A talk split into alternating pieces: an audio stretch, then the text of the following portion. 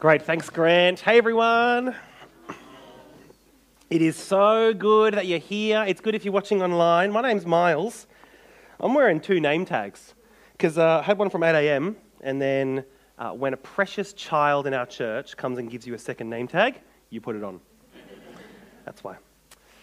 Uh, I don't have to convince you, you already know this. There's lots of different seasons in your life. Lots of different seasons that you go through. And if you were to try and kind of describe these different seasons, you might be able to kind of plot them on a spectrum. Over here is, is the frustrating end. Maybe you're in a frustrating season. Things just aren't going the right way. I've had a bit of a season like this recently. I've been quite sick for four, five ish weeks. I'm still not quite back to full health. But maybe it's kind of a frustrating season. Maybe you're over here if you're a fan of the uh, Rabbitohs or the Cowboys. Maybe you're going to be over here next week if you're a fan of the Eels. when you lose. Looking forward to uh, watching the game next week. But maybe instead, frustration over here, satisfaction. Maybe you're in a season of satisfaction. Again, we've been through a season like this recently, my wife and I, Morgan, uh, with Morgan's work. We've been praying a lot, and God has been very kind and provided us a season where Morgan's got this great job. It's gone real well.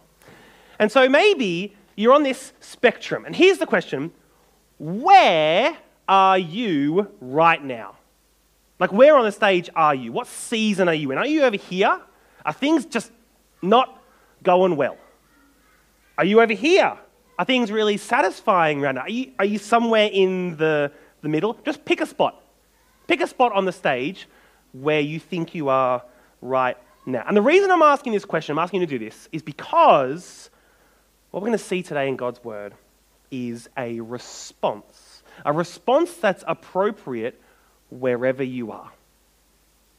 A response that is appropriate wherever you are. What should you do if you're currently feeling like you're over here? What should you do if you're feeling like you're over here? We're going to see one answer, one answer that fits the whole spectrum, one size fits all. Let me show you from the book of Ezra. Now, let me remind you what's happened so far. God's people uh, were exiled. The Babylonians came, and it was real bad news for God's people. Their home city of Jerusalem was ruined, the temple building was decimated, and loads of people were taken as captives to Babylon.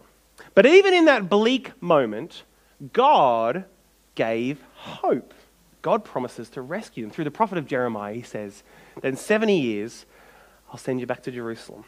And so, of course, because it's God and he keeps his promises, 70 years later, the Persians come along, King Cyrus and the Persian Empire, and they crush the Babylonians.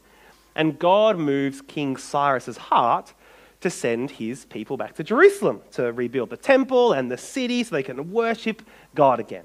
That's Ezra chapter 1 and some of the background. And then we get to chapter 3. Andrew preached on this last week, and things are starting to look up. They rebuild the altar, they lay the foundations of the temple. They start celebrating God's festivals. There's this renewed kind of remembrance, worship, thankfulness. And today, we're going to see the next part of the story in chapters 4 to 6. Now, Grant just read out chapter 6 for us. But for us to figure out what's going on in chapter 6, we've got to look at chapter 4 and chapter 5 as well. And so today, we'll definitely be flicking through our Bibles. So this is a good time to have your Bible open. We'll be going to different parts of the Bible. Let's start in Ezra chapter 4, verse 1. I'll read this one. Ezra chapter 4, just a few pages back from our reading. When the enemies of Judah and Benjamin heard that the exiles were building a temple for the Lord, the God of Israel, they came to Zerubbabel and to the heads of the families and said, Let us help you build, because, like you, we seek your God and have been sacrificing to him since the time of Esarhaddon, king of Assyria, who brought us here. But Zerubbabel, Joshua, and the rest of the heads of the family of Israel answered, You have no part with us in the building, in building a temple to our God. We alone will build it for the Lord, the God of Israel, as King Cyrus, the king of Persia, commanded us. Now, pause. At first, seems a bit mean, doesn't it? for Zerubbabel and for, for Josh to be like, no, stay away. You can't help us. But we're told very clearly in verse 1 that these are enemies. And they're about to prove that they're enemies. Verse 4 Then the people around them set out to discourage the people of Judah and make them afraid to go on building. They bribed officials to work against them and frustrate their plans during the entire reign of Cyrus, king of Persia, down to the reign of Darius, king of Persia. And so then, what is the result of these enemies discouraging and bribing and frustrating? Verse 24, the last verse in chapter 4. Thus, the work on the house of the God in Jerusalem came to a standstill until the second year of the reign of Darius, king of Persia. In a moment, I'm going to ask you to turn to the person next to you and say a number. Here's what I want you to do I want you to guess. Guess how many years it was when the construction of the temple was paused. It doesn't say in the passage. You can't like look and see the answer. I know the answer. But I want you to try and guess. How many years do you think were the Israelites not building the temple for? I'll give you 10 seconds. Tell the person next to you or think about it in your head. Go. 10 seconds. Guess a number. Any guess. Have a guess. If you were at 8 a.m., don't cheat. Three, two, one. Time up. Nice. So you got a number in your head, the number of years. Anyone, anyone say like one to three years? Nice. Four to six years? Okay. Seven years? Eight years? It's getting like a long time now. Anyone say nine or ten? Nice. Anyone say more than ten? Good job. The answer is more than 10. The answer is 16. Did anyone say 16? That wasn't at 8 a.m.? Good try. And I'll say the same thing at night church. Don't cheat if you're there as well. All right. For 16 years, God's people in Jerusalem didn't work on the temple. For 16 years, God's people who had just been rescued from exile, God had commanded them to build the temple, they totally ignored him and they didn't trust him. But Miles, he might say. Miles, maybe the opposition was, was so severe that they couldn't build this temple. Maybe they really wanted to, they really tried to, but they couldn't. You know, maybe it's like the equivalent of Blacktown City Council was standing in their way. Hope that's not too close to home for some of you. But no, that's not it. Let me show you what they were doing for 16 years. Ezra chapter 5, verse 1 and 2.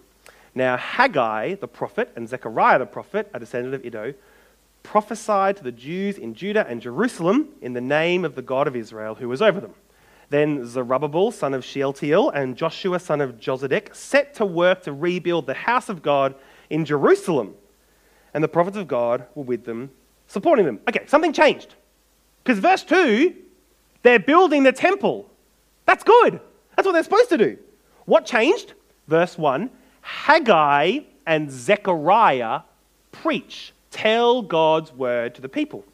And we have those sermons in the Bible, the books of Haggai and Zechariah. And so if we want to know what happened in those 16 years, we're going to go check out those books. And that's what we're going to do today. We're going to go look at Haggai. And so, grab your Bibles, uh, leave a finger in Ezra, because we'll come back there grab your Bibles and turn to Haggai chapter 1. Look in your table of contents, or another way of getting there is you go to the end of the Old Testament, you're at Malachi, and go backwards, Zechariah, then Haggai. If you're new or visiting and you have one of our Bibles, 507 is the page for you. Haggai chapter 1. I'm going to read most of chapter 1. And remember, we're trying to discover what happened in those 16 years. Here it is. In the second year of King Darius, on the first day of the sixth month, the word of the Lord came through the prophet Haggai to Zerubbabel, son of Shealtiel, governor of Judah, and to Joshua, son of Josedek, the high priest. Familiar. We've heard these names.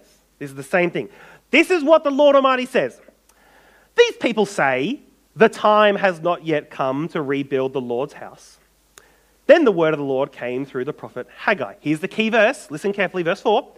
Is it time for you yourselves to be living in your paneled houses while this house, the temple, remains a ruin?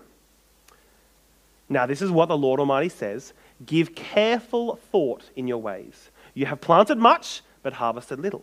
You eat, but never have enough. You drink, but never have your fill. You put on clothes, but are not warm. You earn wages only to put them in a purse with holes in it. This is what the Lord Almighty says Give careful thought to your ways. Go up into the mountains and bring down timber and build my house, so that I may take pleasure in it and be honored, says the Lord. You expected much, but see, it turned out to be little.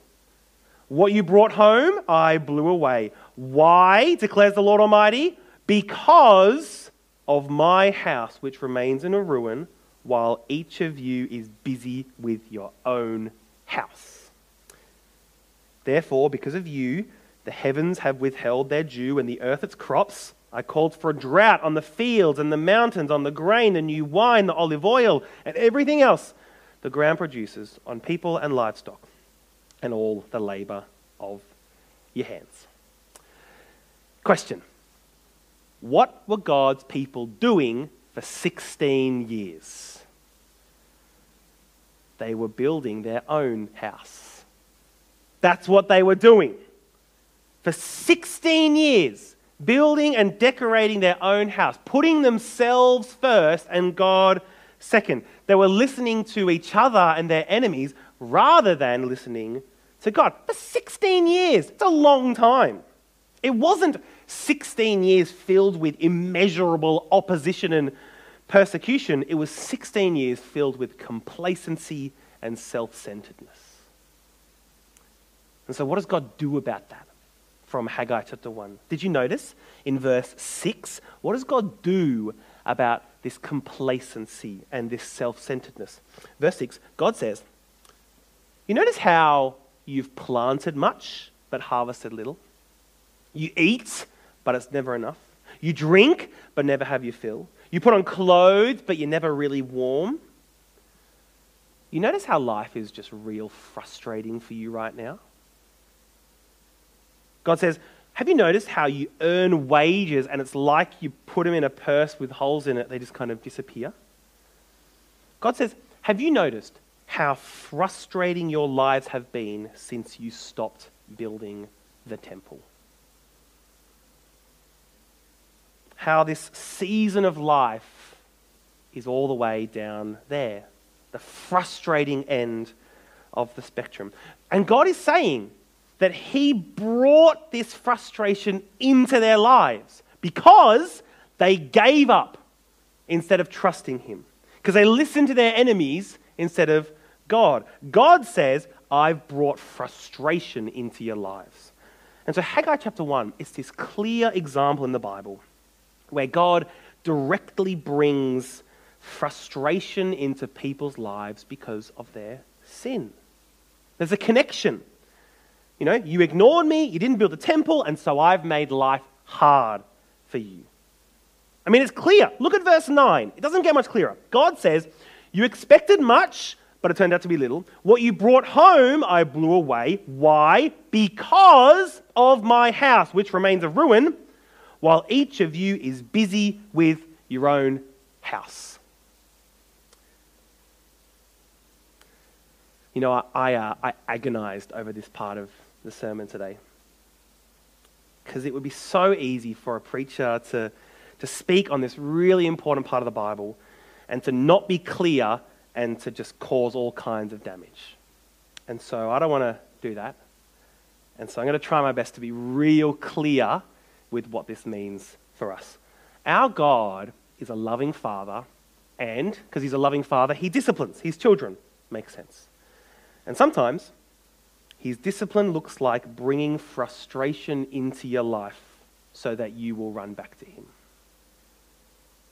And so if there is frustration in your life, if you're feeling down this end of the spectrum, the question that you should ask yourself is could God be showing me that something needs to change?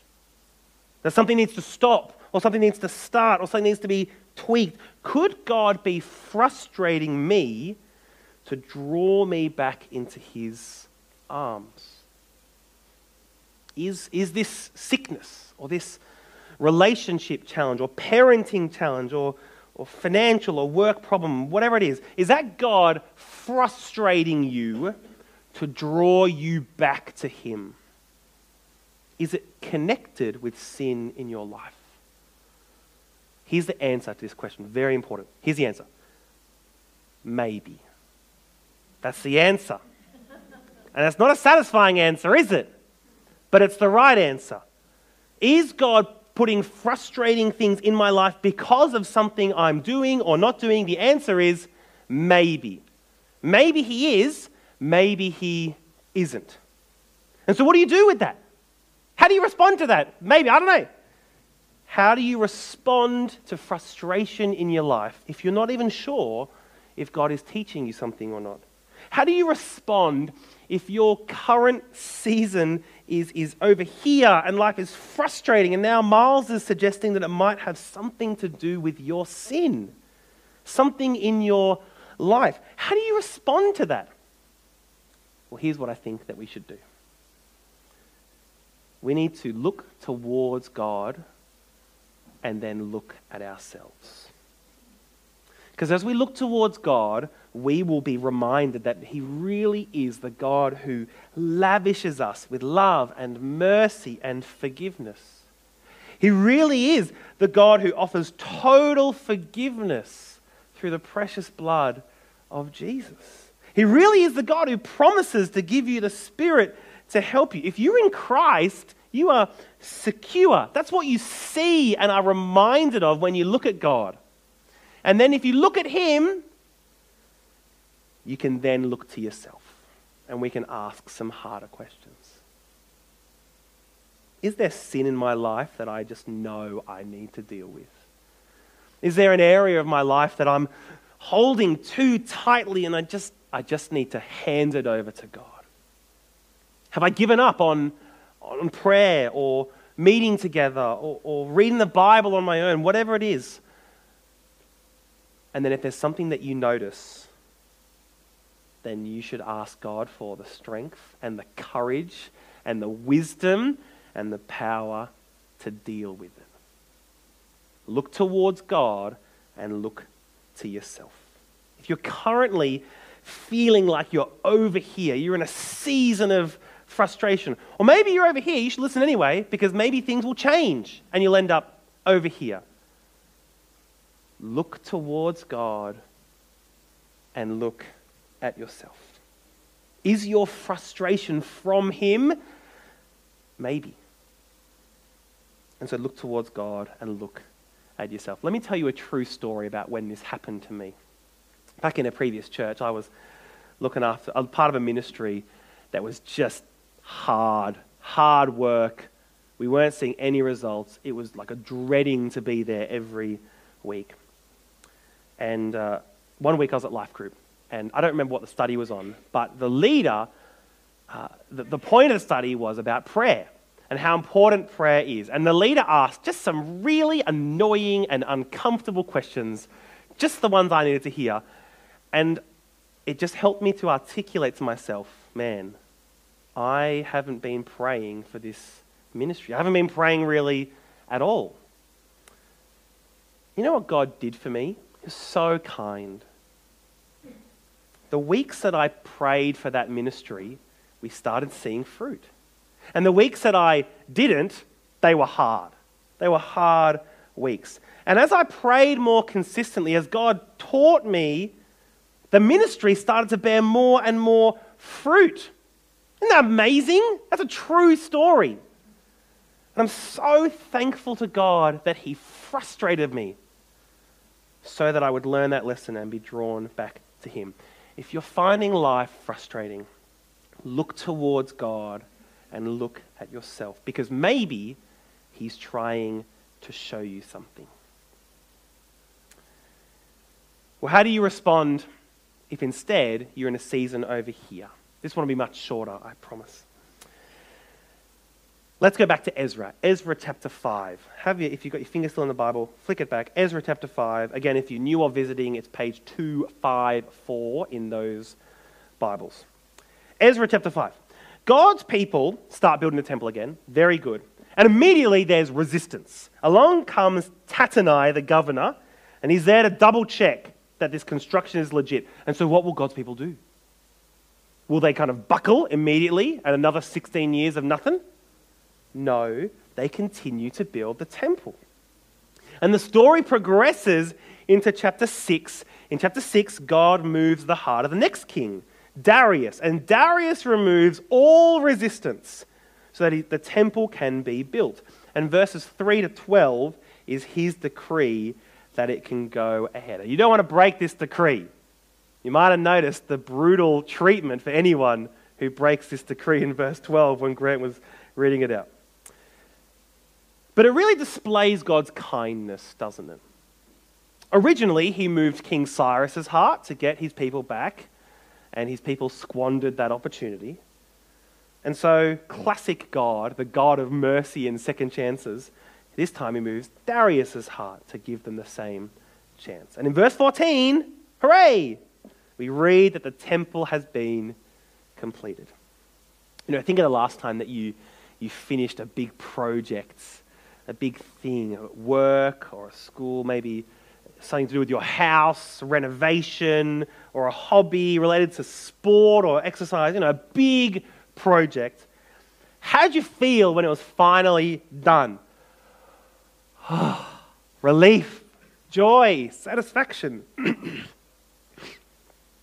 and that's exactly how God's people responded. When the temple is completed, you can see there in verse 16, they respond with joy. There's a great celebration. There's great joy because God has done the thing He promised that He'd do after a long time, a big project, lots of resistance, and it's done. And the climax of this joy is in verses 19 to 22, where God's people celebrate the Passover. Passover is this key festival where God's people remember how God rescued them out of Egypt, back in the book of Exodus. And just check again, see it there. What is their attitude when they're celebrating the Passover? Verse 22. They celebrated with joy. God filled them with joy. And so, where on the stage would you plot this current season for God's people when the temple is done? It's over here, right? Of course it is. They're so satisfied. The temple is done. They're celebrating. And what are they doing as they celebrate? Well, they're looking towards God and they're looking at themselves. The same thing that they needed to do when they were over here in those 16 years, they're doing now when they're over here. They're looking at God and looking at themselves. As they, as they celebrate the Passover, they're looking towards God and remembering how, how good and kind and merciful and loving and powerful He is. And they're thanking Him. And as they celebrate the Passover, they're looking at themselves. Because even though they are sinners, and have rejected God time and time again, God still loves them and offers to forgive them. And so, what do you do when you're up here? What do you do when you're up here in this season of life? Things seem to be going great. You do the same thing if you were down there. You look towards God and you look at yourselves. And if you're over here, of course, as you, as you look towards Him, you can thank Him for His provision and His kindness to you in this season. And then you can look at yourself. And you can recognize that you're a helpless sinner, just like me. And we are nothing without the precious death and resurrection of Jesus. And as we consider that, as we look at ourselves and our sin, all that will do, what that will do is draw out a deeper thanksgiving and it will give us a renewed push to deal with sin. And so, wherever you are on this line, whatever season you're in, look to God and look at yourselves. if you're feeling like God's people in those 16 years, frustrating, things aren't going well, look towards God and look at yourself. And if you're feeling over here, like God's people with the temple, they're celebrating the Passover, things are great, look towards God and look at yourself. In a moment, I'm going to pray and, and thank God for all this. And after we pray, we don't usually do this, I'm just going to give you some time to reflect and consider what it might be. Is there something that you need to consider as you look towards God? Or is there something that you need to look at if you look at yourselves? So I'm going to pray, and then I'll give you some time to do that. And then when it's time to sing, we'll stand and sing. Let's pray together. Father, we do ask that in every season of life, you would help us to look towards you and to look at ourselves. And as we look towards you, please give us your spirit to help us see you and know you clearly and truthfully. And as we look at ourselves, we ask the same thing. Give us the courage to see ourselves clearly and truthfully. And Father, as we do this, please would you draw us nearer to you and give us a deeper sense of joy and thanksgiving. Amen. Well, everyone, we're going to give you some time. We'd love for you to look towards God and look at yourselves, and then we'll sing in a moment.